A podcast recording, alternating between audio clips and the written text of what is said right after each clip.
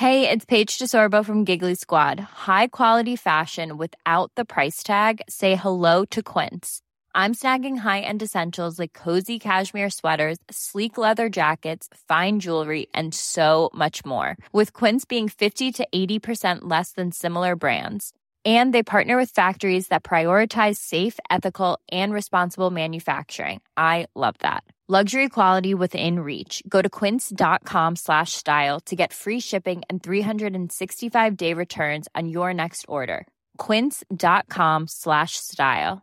Quality sleep is essential. That's why the Sleep Number Smart Bed is designed for your ever evolving sleep needs. Need a bed that's firmer or softer on either side? Helps you sleep at a comfortable temperature? Sleep Number Smart Beds let you individualize your comfort so you sleep better together. JD Power ranks Sleep Number number 1 in customer satisfaction with mattresses purchased in-store. And now, save 50% on the Sleep Number limited edition Smart Bed for a limited time. For JD Power 2023 award information, visit jdpower.com/awards. Only at a Sleep Number store or sleepnumber.com.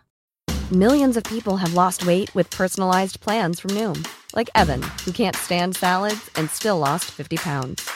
Salads, generally, for most people, are the easy button, right? For me, that wasn't an option. I never really was a salad guy. That's just not who I am. But Noom worked for me. Get your personalized plan today at Noom.com. Real Noom user compensated to provide their story. In four weeks, the typical Noom user can expect to lose one to two pounds per week. Individual results may vary. Fredagen den 24 december 2010 begår en kvinna vid namn Laurie Erica Ruff självmord i sin bil på sina svärföräldrars uppfart. Inne i huset befinner sig Lauries före detta man, Blake Ruff, samt deras gemensamma dotter som är två år gammal vid den här tidpunkten. Efter Lauries död så gör Blakes familj en minst sagt chockerande upptäckt. Det visar sig nämligen att Laurie faktiskt inte alls är den som de tror att hon är och att hennes riktiga namn faktiskt är Becky Sue Turner. Problemet är bara att Becky Sue Turner dog i en brand när hon var två år gammal. Så vem var egentligen kvinnan som kallade sig Laurie Erica Ruff?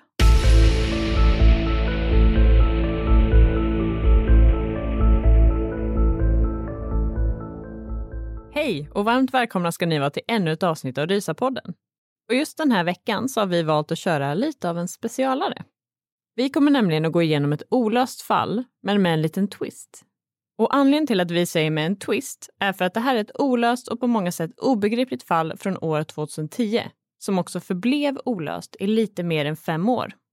Men i början av år 2016 så fick det här fallet faktiskt sin lösning även om det såklart finns en hel del frågor och funderingar som man än idag inte har kunnat besvara fullt ut.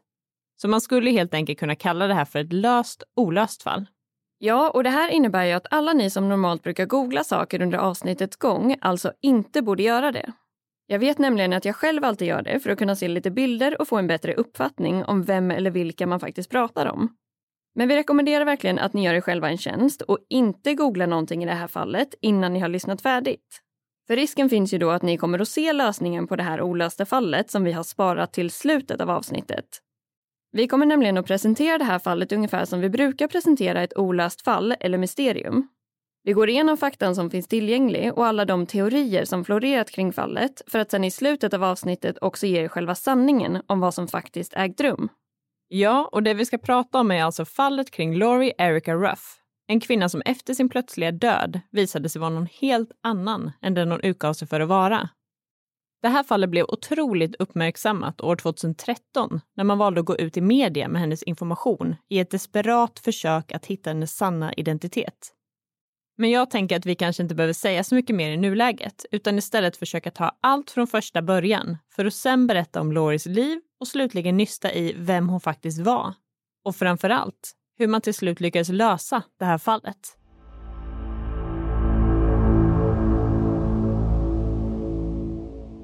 I östra Texas i USA finns det en stad som heter Longview. Den här staden ligger ungefär två timmars bilfärd från metropolen Dallas och idag bor det drygt 80 000 personer i Longview. Bland annat familjen Ruff. Det här är en väl ansedd familj i staden och deras släkt har bott där ända sedan 1930-talet och har under åren arbetat inom bland annat bank och fastighetsvärlden. Den här familjen består av mamma Nancy och pappa John och de har fyra barn tillsammans. Dels döttrarna Mary och Margaret och tvillingpojkarna John och David. John heter dock egentligen John Blakely och kallas därför för Blake, vilket vi fortsättningsvis också kommer att kalla honom i det här avsnittet. Han är nämligen den i familjen Ruff som är mest delaktig i det här fallet. Blake och hans tvillingbror David föddes den 14 april 1969 och Blake studerade på McCallie School som är en internatskola för pojkar. Han studerade sen på ett universitet i Texas och senare även på DeVry University där han tog en kandidatexamen inom telekom. Efter det här började han arbeta för ett bolag som heter Verizon Communications Incorporated. Och det här är ett väldigt stort och framgångsrikt amerikanskt telekommunikationsföretag. Blakes bror David var den av tvillingarna som var mer utåtriktad och det beskrivs ofta att Blake gärna följde i Davids fotspår och att han ibland valde att kopiera det som David gjorde. Några exempel på det är bland annat att om David köpte en särskild typ av bil så köpte även Blake samma typ av bil. Eller när David gick med i en bibelskola så gjorde Blake kort därefter detsamma. Blake beskrivs också som en man som kanske inte är jätteduktig på det sociala samspelet. Han uppges vara en trevlig och ärlig kille som ibland kanske kan vara lite för ärlig men som generellt inte pratar speciellt mycket. Av människor i sin omgivning beskrivs Blake som lite speciell helt enkelt och hans syster Marys man, Miles Darby, har uppgett för tidningen Seattle Times att Blake inte har så mycket till varken inre eller yttre monolog och ställer man en fråga till honom så kan man mycket väl få ett helt annat svar tillbaka. Det här ska dock inte vara Blakes sätt att undvika en fråga utan det är bara hans sätt att vara helt enkelt. Utöver det uppges han också vara en person som, om du berättar någonting, tar dig väldigt mycket på orden och inte nödvändigtvis ifrågasätter det du säger. Utifrån att Blake som sagt gärna följde i sin tvillingbrors fotspår så var det därför inte så konstigt att när David träffade sin blivande fru genom sina bibelstudier så gjorde även Blake det. Han mötte då nämligen en kvinna vid namn Laurie Erica Kennedy och de träffades via Northwest Bible Church som ligger i Dallas. Laurie var född den 18 juli 1969 och var alltså jämnårig med Blake. Hon kom från delstaten Arizona och beskrivs ha varit en smart kvinna som bland annat tyckte om djur och att gå ut och fika. När Laurie var i tidiga 20-årsåldern studerade hon på Dallas County Community College och när hon var 28 år gammal tog hon även examen från University of Texas i Arlington. Hon fick då en kandidatexamen i Business Administration, vilket är ungefär företagsekonomi. Därefter började Laurie arbeta som mystery shopper. Och de flesta som jobbar eller har jobbat inom retail och service är nog väldigt bekanta med det här yrket. Men det innebär kort sagt att man får uppdrag från olika kunder att besöka affärer eller restauranger och då agera som en helt vanlig kund för att sedan rapportera tillbaka om hur man upplevde servicen och bemötandet under sitt besök. Så det här var alltså hennes yrkesmässiga liv. Rent privat var Laurie en kvinna som inte gärna pratade om sin bakgrund och uppväxt. Det enda hon egentligen hade sagt till Blake var att hon som sagt kom från Arizona, att båda hennes föräldrar var döda och att hon var ensam barn. Hon ska också ha berättat att hon hade haft en väldigt jobbig barndom och att hennes pappa hade arbetat som börsmäklare men inte haft en speciellt lyckad karriär. När Blake och Laurie hade dejtat ett tag ville såklart Blakes familj träffa hans nya flickvän. När de väl gjorde det så visade ju de såklart ett stort intresse för att lära känna Laurie och frågade henne därför om hennes bakgrund och hennes familj Laurie ville dock som sagt inte prata om det, utan hon kunde istället berätta om saker som vart hon studerat och olika saker som hänt i hennes liv fast i vuxen ålder. Men hon ville absolut inte prata om sin barndom. Det enda hon delade med sig av var samma information som hon hade gett till Blake. Nämligen att båda hennes föräldrar var döda, att hon var ensambarn och att hon i princip inte hade några släktingar. Blakes mamma Nancy har beskrivit det som att hon kände att Laurie lite undvek att svara på hennes frågor men även om familjen Ruff stödde sig på att de inte fick någon inblick i vem Laurie var och hennes barndom så var det här faktiskt ingenting som störde Blake speciellt mycket. Han var ju som sagt en man som verkligen tog dig på orden och som kanske inte var den mest frågvisa typen. Laurie ska bland annat ha sagt till Blake att hon hade förstört alla sina familjefoton eftersom att hon hade haft ett så pass hemskt liv.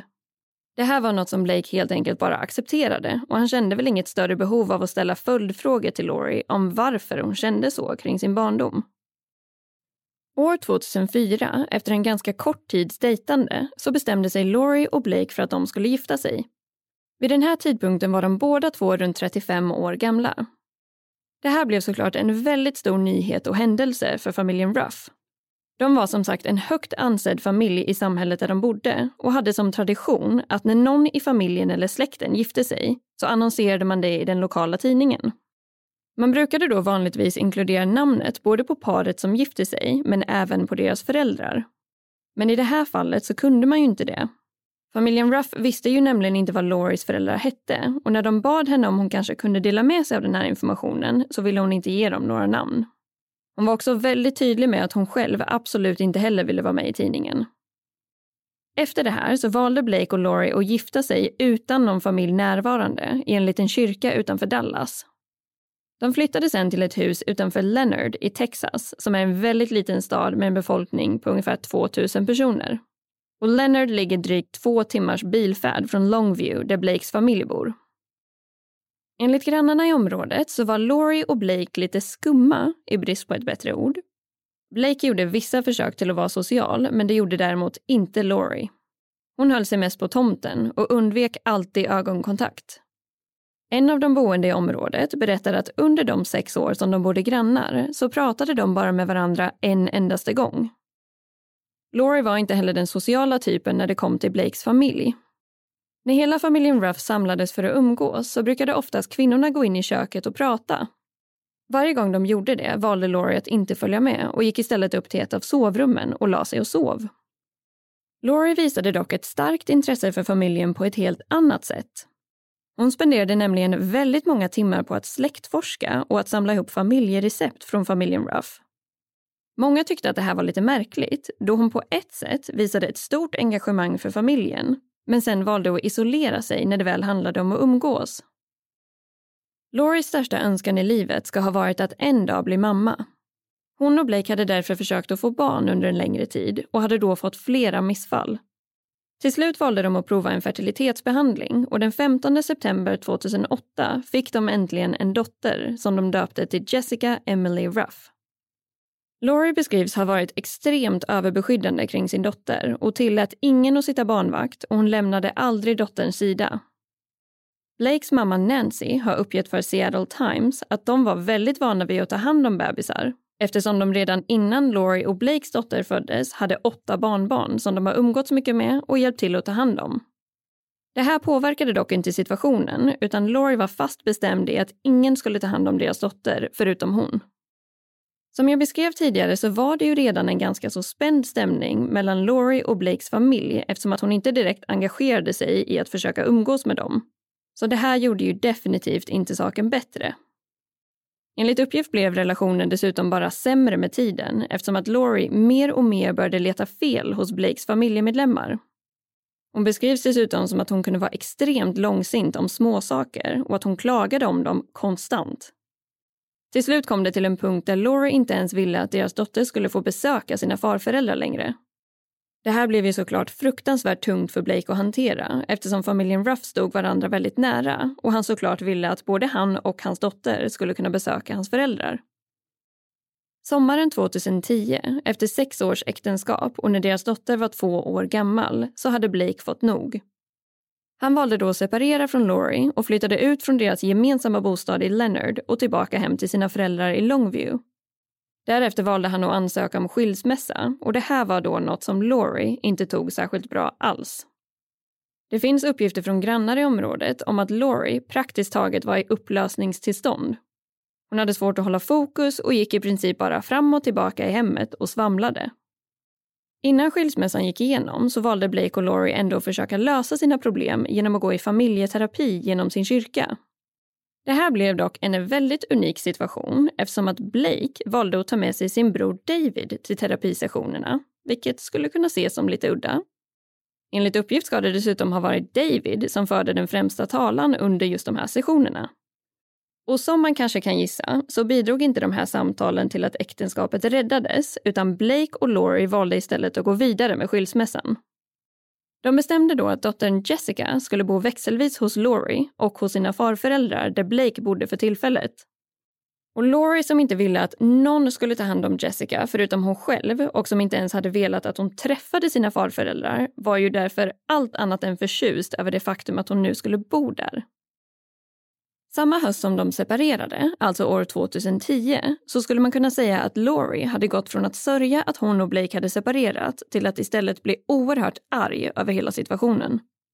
Hon började därför skicka hotfulla mejl till flera medlemmar i familjen Ruff. Det ska dessutom ha blivit en ganska hotfull stämning i samband med överlämningen av dottern och familjen Ruff kände sig allt annat än bekväma i de här situationerna.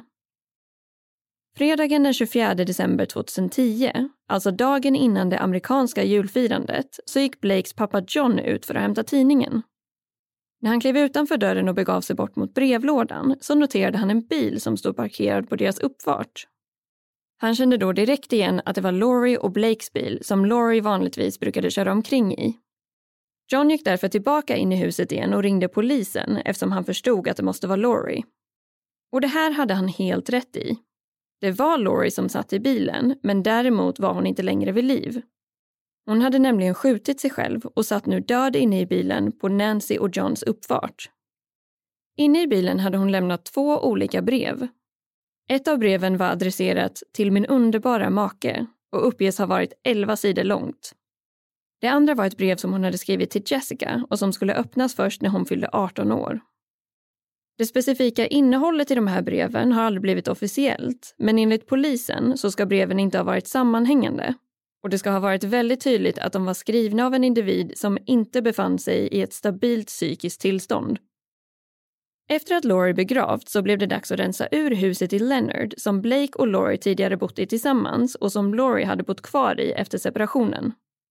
Så den 1 januari 2011 begav sig några av Blakes familjemedlemmar till huset för att sätta igång med arbetet.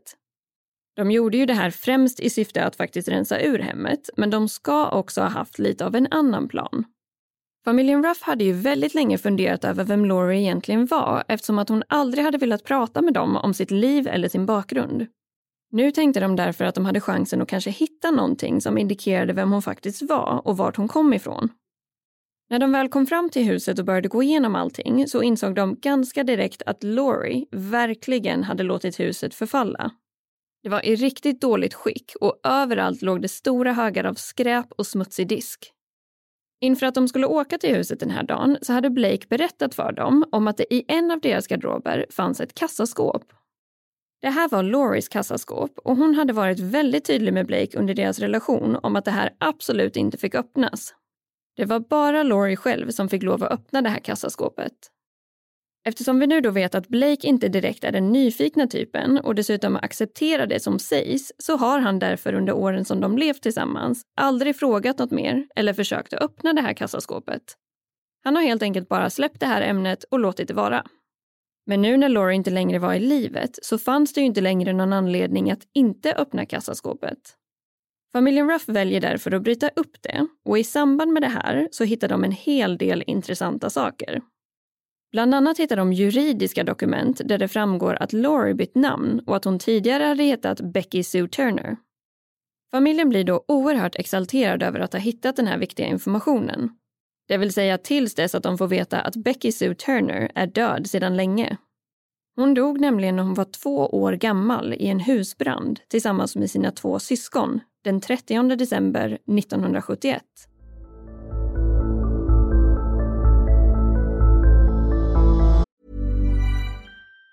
Even on a budget, quality is non-negotiable. That's why Quince is the place to score high-end essentials at 50 to 80% less than similar brands. Get your hands on buttery soft cashmere sweaters from just 60 bucks, Italian leather jackets, and so much more. And the best part about Quince, they exclusively partner with factories committed to safe, ethical, and responsible manufacturing. Elevate your style without the elevated price tag with Quince. Go to quince.com slash upgrade for free shipping and 365-day returns. Many of us have those stubborn pounds that seem impossible to lose, no matter how good we eat or how hard we work out. My solution is PlushCare.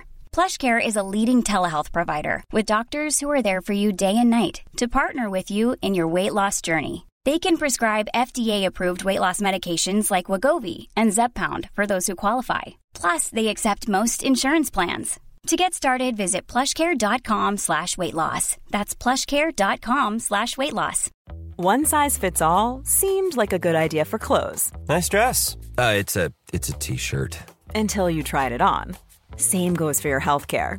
That's why United Healthcare offers a variety of flexible, budget friendly coverage for medical, vision, dental, and more. So, whether you're between jobs, coming off a parent's plan, or even missed open enrollment, you can find the plan that fits you best. Find out more about United Healthcare coverage at uh1.com. That's uh1.com.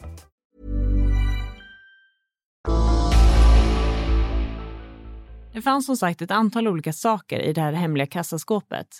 Bland annat de juridiska dokumenten som tydde på att Laurie egentligen var Becky Sue Turner. Det var då ett födelsebevis för Becky samt ett ID-kort med Beckys namn och Lauries foto på. Utöver dokumenten som rörde Becky så fanns det även ett antal sidor från en telefonbok i Arizona och en skriftlig referens från en arbetsgivare och hyresvärd i Thailand. I den här referensen så stod det att Laurie hade arbetat för personen i fråga och då i gengäld fått sitt boende betalt. I kassaskåpet så fanns det också en lapp med massa små anteckningar på. Seattle Times har publicerat en bild på den här lappen och när man kollar på den så ser det ut som ett sånt där papper som många av oss har liggandes hemma i någon låda. En sån typ av papperslapp som man liksom kladdar ner någon liten anteckning på i all hast för att komma ihåg någonting. På den här papperslappen så står det flera olika saker, även om allt inte är helt enkelt att tyda. Bland annat kan man läsa fraserna 402 months, North Hollywood Police och Ben Parkins. Efter deras så kallade fynd i kassaskåpet så sökte familjen Ruff under en längre tid efter svaret på frågan kring vem Laurie egentligen var och varför hon hade behov av att hålla det hemligt. Det här var ju dels baserat på ren nyfikenhet, men framför allt så insåg de också att Laurie och Blakes dotter kommer växa upp och troligtvis en dag vilja veta vem hennes mamma verkligen var.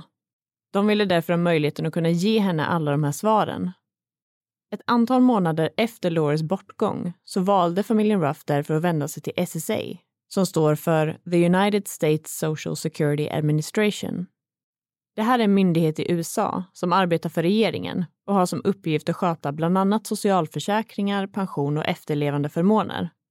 Utöver det så utreder de också misstankar kring bedrägeri genom identitetskapning Familjen Ruff fick då träffa Joe Welling som arbetade som agent på SSA-kontoret i Seattle och hade lång erfarenhet av att utreda olika brott inom identitetsstöld. Han fick då en sammanställning av all den information som familjen Ruff hade hittat efter att de hade sökt igenom kassaskåpet.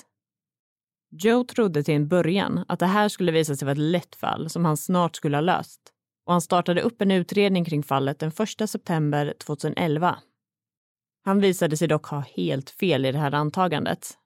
För efter nästan två år av sökande och uppföljande av olika ledtrådar så hade Joe fortfarande inte lyckats komma närmare en lösning.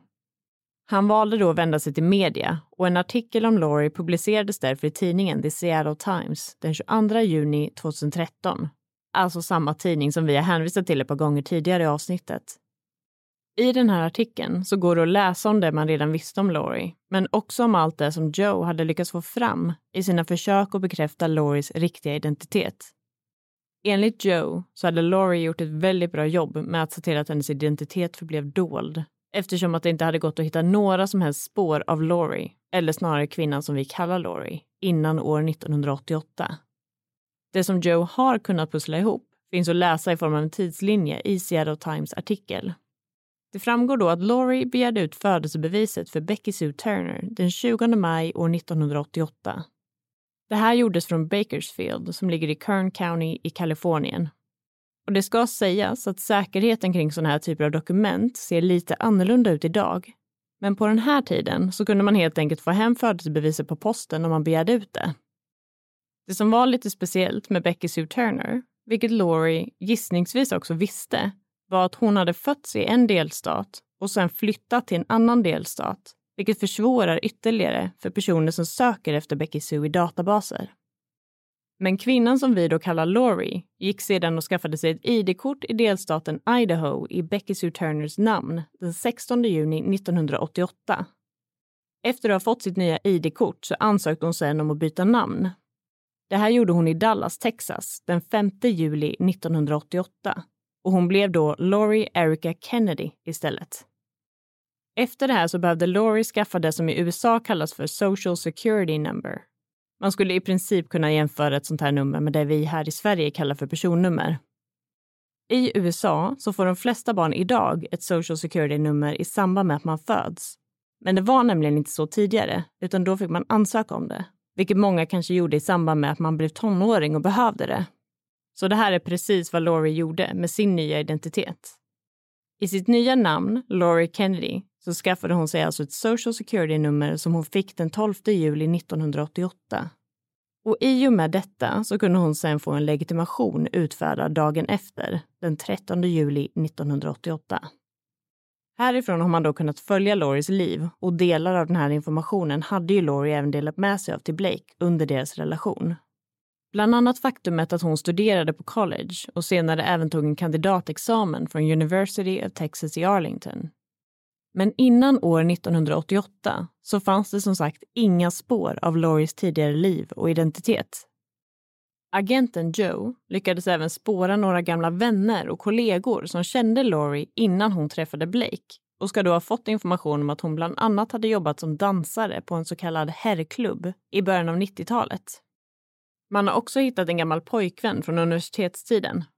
Han kunde dock inte bidra med mer information än vad man redan hade och det verkade som att en av anledningarna till att det hade tagit slut mellan dem var för att Laurie, precis som i sin relation med Blake, vägrade öppna upp sig om sin bakgrund.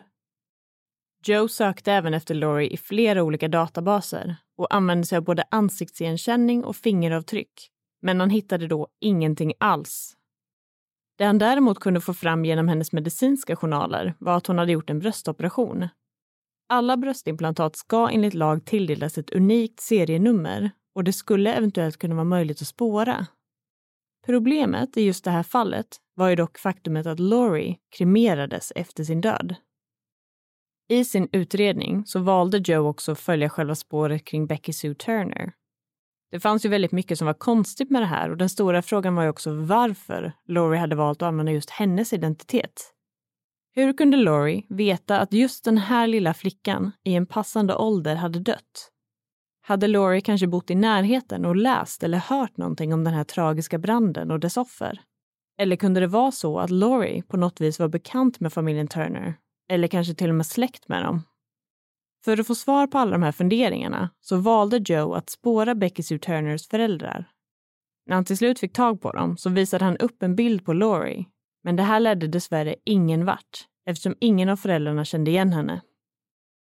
När Seattle Times publicerade den här artikeln om Laurie år 2013 så spred sig nyheten som en löpeld.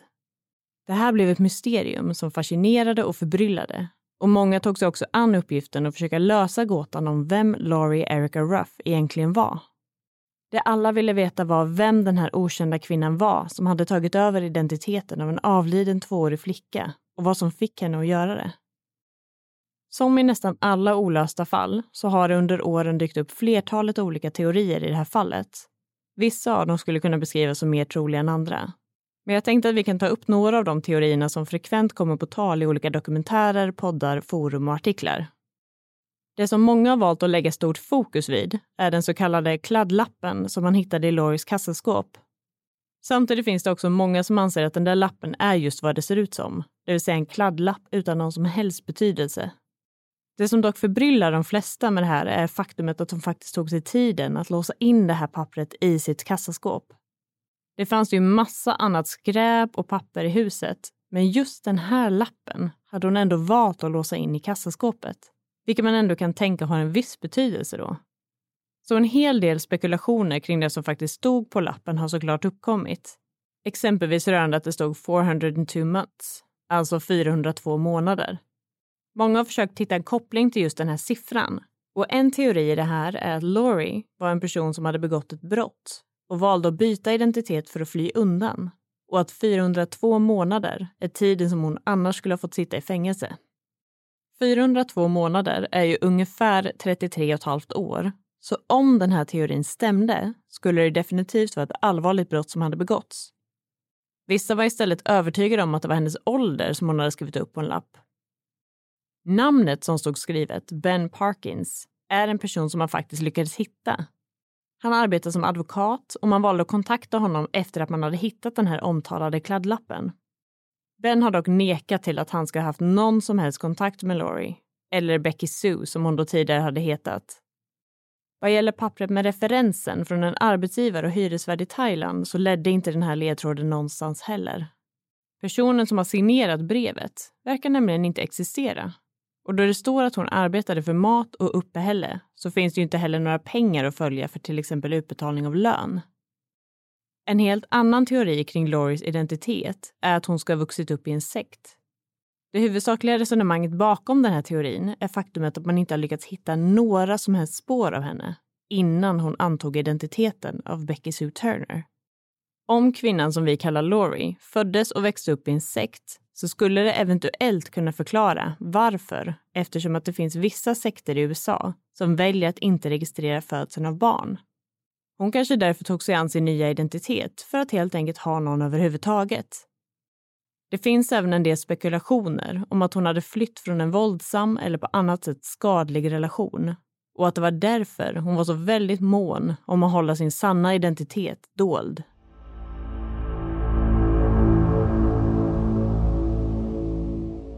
Som sagt så finns det ju alltid mer eller mindre troliga teorier som florerar i sådana här typer av fall. Och två av de teorierna som kanske känns mindre troliga är först och främst att Laurie Erica Ruff faktiskt var Becky Sue och att hon på något mirakulöst vis överlevde den branden som tog livet av hennes syskon. Becky Sue var ju dock bara två år gammal när den här branden ägde rum, vilket skulle kräva att det var någon annan vuxen person som hade räddat henne och sen lyckades ta henne därifrån utan att bli upptäckt. Men man kan ju då såklart ställa sig frågan vart hon i sånt fall skulle ha hållit hus under tiden från att branden inträffade tills dess att hon blev myndig och begärde ut sitt födelsebevis. Det finns även en något mer långsökt teori om att Laurie skulle vara en spion eftersom att hon på ett så pass effektivt sätt har lyckats dölja alla spår av sig själv innan hon officiellt blev Becky Sue Turner.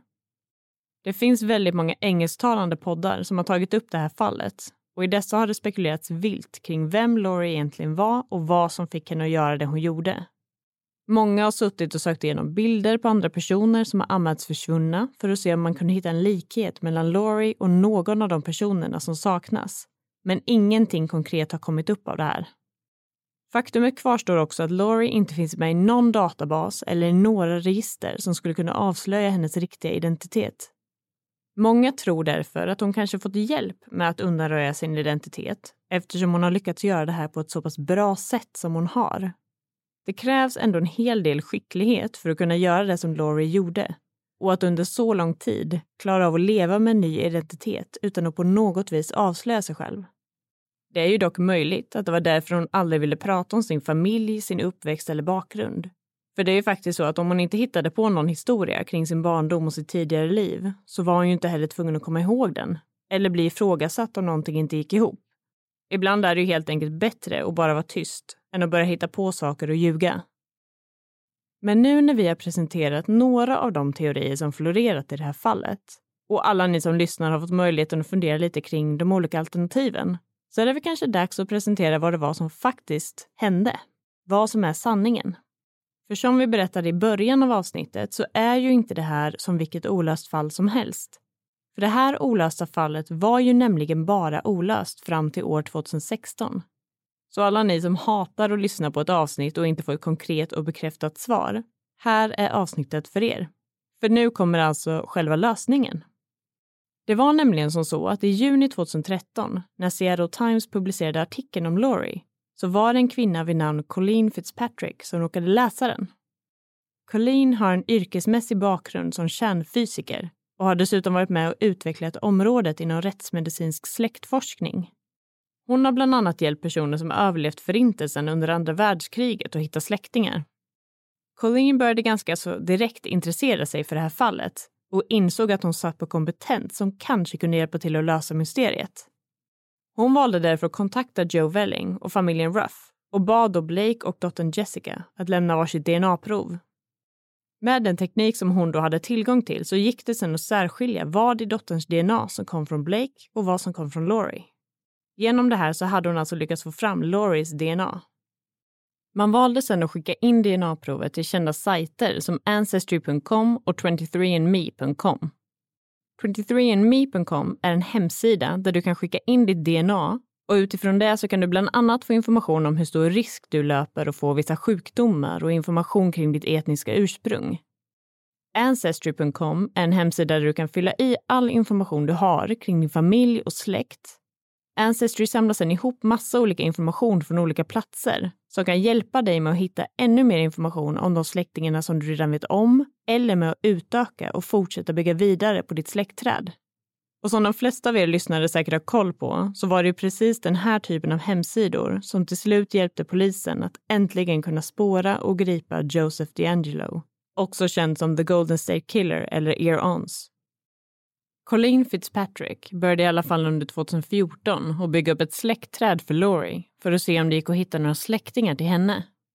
Under 2015 så gör Colleen till slut en stor upptäckt hon hittar då den första personen som eventuellt kunde vara en släkting till Laurie.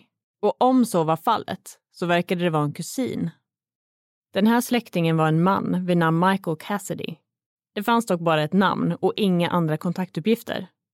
Colleen gjorde då flera försök att komma i kontakt med Michael genom att skicka meddelanden via hemsidan, men lyckades då inte komma fram. Det finns ju såklart inte bara en Michael Cassidy i hela USA och eftersom det inte fanns några andra kontaktuppgifter så kom hon tyvärr inte längre med den här ledtråden. Efter att Colleen fortsatt att bygga vidare på släktträdet så hittade hon sedan ytterligare en person. Det här var en mer avlägsen släkting som med största sannolikhet inte skulle kunna vara till hjälp med att identifiera Laurie. Däremot så kunde Colleen leta sig fram genom den släkten och till slut hittade hon namnet som hon hade hittat tidigare, nämligen kusinen som hette Michael Cassidy, som då också visade sig vara kopplad till den här andra personen. Och vid det här laget så insåg Colleen att hon mirakulöst nog hade lyckats spåra rätt släktträd. I och med detta så kunde hon också spåra rätt Michael Cassidy och se att han var från en släkt med ursprung i staden Philadelphia. Efter det här så fortsatte hon sökande på internet, bland annat på Facebook och bland dödsannonser. Utifrån det hon hittade så kunde hon göra bedömningen att Lauries mamma med största sannolikhet var Michaels faster eller moster. Anledningen till att vi säger faster eller moster är på grund av att man på engelska kallar båda två för aunt och att det därför är svårt att veta vilken av dem det faktiskt var. Men i samband med det här så valde Colleen att kontakta Joe Velling. Han i sin tur valde då i början av 2016 att resa till Philadelphia för att se om de släktingarna som Colleen hade lyckats hitta faktiskt kunde ge honom svaret på den frågan som han så länge hade velat besvara. Det vill säga vem Laurie Erica Ruff egentligen var. När Joe kom fram till Philadelphia och träffade familjen Cassidy och visade upp en bild av Laurie så utbrast en medlem av Cassidy-släkten direkt. Det där är ju Kimberly. Det visade sig då att Michaels faster, eller moster, som heter Diane, var gift med en man vid namn James McLean. Och det här var då Kimberlys föräldrar. Man valde sedan att kontakta Diane för att bekräfta att Laurie Erica Ruff faktiskt var Kimberly McLean. Och DNA-provet visade att det stämde. För hela familjen och framförallt för hennes föräldrar så var det såklart fruktansvärt jobbigt att efter nästan 30 år få veta vart hennes dotter tagit vägen och samtidigt också få höra att hon har tagit sitt eget liv. Men det vi vet om Kimberly är att hon föddes den 16 oktober 1968 hon var alltså ett par månader äldre än vad hon hade utgett sig för att vara eftersom att Becky Sue Turner var född 18 juli 1969. Kimberly växte upp i en förort utanför Philadelphia tillsammans med sin mamma, pappa och syster. Kimberlys pappa arbetade som snickare och frivillig brandman. Under Kimberlys tonår så valde föräldrarna att skilja sig och hennes mamma gifte då om sig med en man som hette Robert Becker i samband med det här så flyttade Kimberly, hennes syster och hennes mamma tillsammans med Robert till den närliggande staden Wincote. Familjen har berättat att Kimberly aldrig riktigt kände sig bekväm, varken med sin nya familjekonstellation eller med sitt nya hem. År 1986, när Kimberly alltså var 17 år gammal och skulle fylla 18, så sa hon till sin mamma att hon skulle rymma hemifrån och att hon absolut inte ville att man skulle söka efter henne. Det här var också precis vad hon gjorde Och familjen har ända sedan dess varit både förvånade över att hon faktiskt rymde, men också att de aldrig har kunnat förstå eller lista ut vart hon faktiskt tog vägen och befann sig under alla de här åren. Det finns såklart fortfarande väldigt många frågetecken kring Kimberly McLean som man än idag inte har kunnat besvara. Bland annat varför hon faktiskt valde att rymma hemifrån på ett så pass extremt och abrupt sätt som hon gjorde. Framförallt så vore det också väldigt intressant att veta hur hon lyckades med allt det hon gjorde och hur hon kom fram till att det var just Becky Sue Turners identitet hon skulle ta över. Sen kan man ju inte heller låta bli att undra över den här mystiska kladdlappen som hittades i kassaskåpet. Var det något på den här lappen som faktiskt betydde någonting eller var det bara totalt nonsens och att den kanske råkade hamna i kassaskåpet av en slump? Och fanns det andra anledningar än skilsmässan från Blake som gjorde att hon till slut inte orkade mer och tog sitt eget liv? Alla de här frågorna som kvarstår kommer ju dock Kimberly McLean, eller Laurie Erica Ruff, att ta med sig i graven. För det kunde ju tyvärr bara hon besvara. Men om inte annat så kommer i alla fall Lauries dotter Jessica att kunna få ett konkret svar kring den extremt omtalade frågan om vem hennes mamma faktiskt var.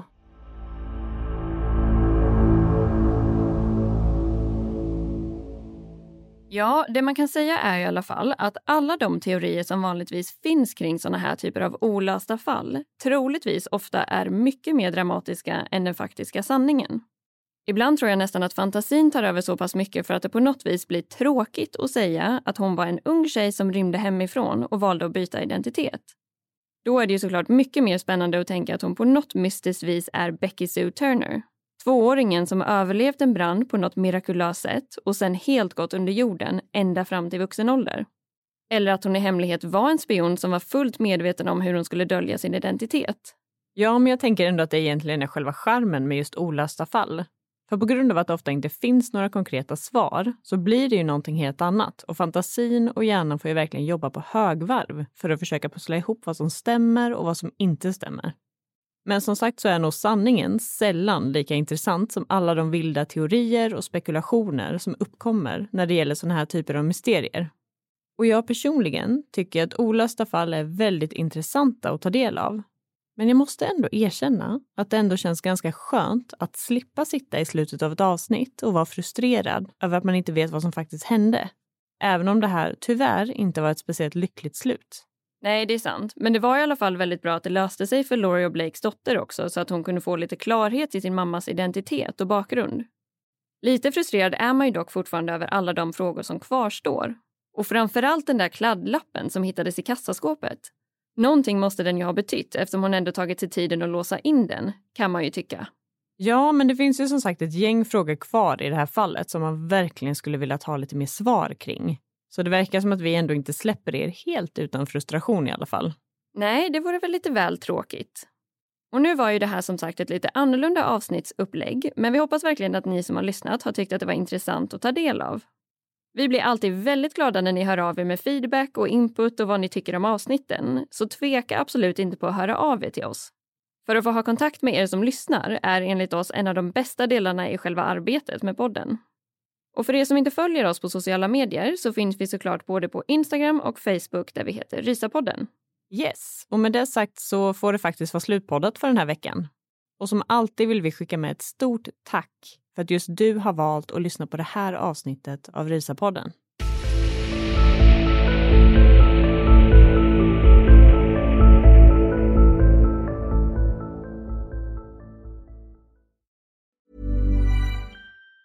Planning for your next trip? Elevate your travel style with Quince. Quince has all the jet setting essentials you'll want for your next getaway, like European linen, premium luggage options, buttery soft Italian leather bags, and so much more. And it's all priced at 50 to 80% less than similar brands. Plus, Quince only works with factories that use safe and ethical manufacturing practices. Pack your bags with high-quality essentials you'll be wearing for vacations to come with Quince. Go to quince.com slash trip for free shipping and 365-day returns. Hold up. What was that? Boring. No flavor. That was as bad as those leftovers you ate all week. Kiki Palmer here, and it's time to say hello to something fresh and guilt-free. Hello Fresh. Jazz up dinner with pecan-crusted chicken or garlic butter shrimp scampi. Now that's music to my mouth. Hello Fresh. Let's get this dinner party started. Discover all the delicious possibilities at hellofresh.com. Planning for your next trip? Elevate your travel style with Quince. Quince has all the jet setting essentials you'll want for your next getaway, like European linen, premium luggage options, buttery soft Italian leather bags, and so much more. And is all priced at 50 to 80% less than similar brands. Plus, Quince only works with factories that use safe and ethical manufacturing practices. Pack your bags with high-quality essentials you'll be wearing for vacations to come with Quince. Go to quince.com/pack for free shipping and 365-day returns.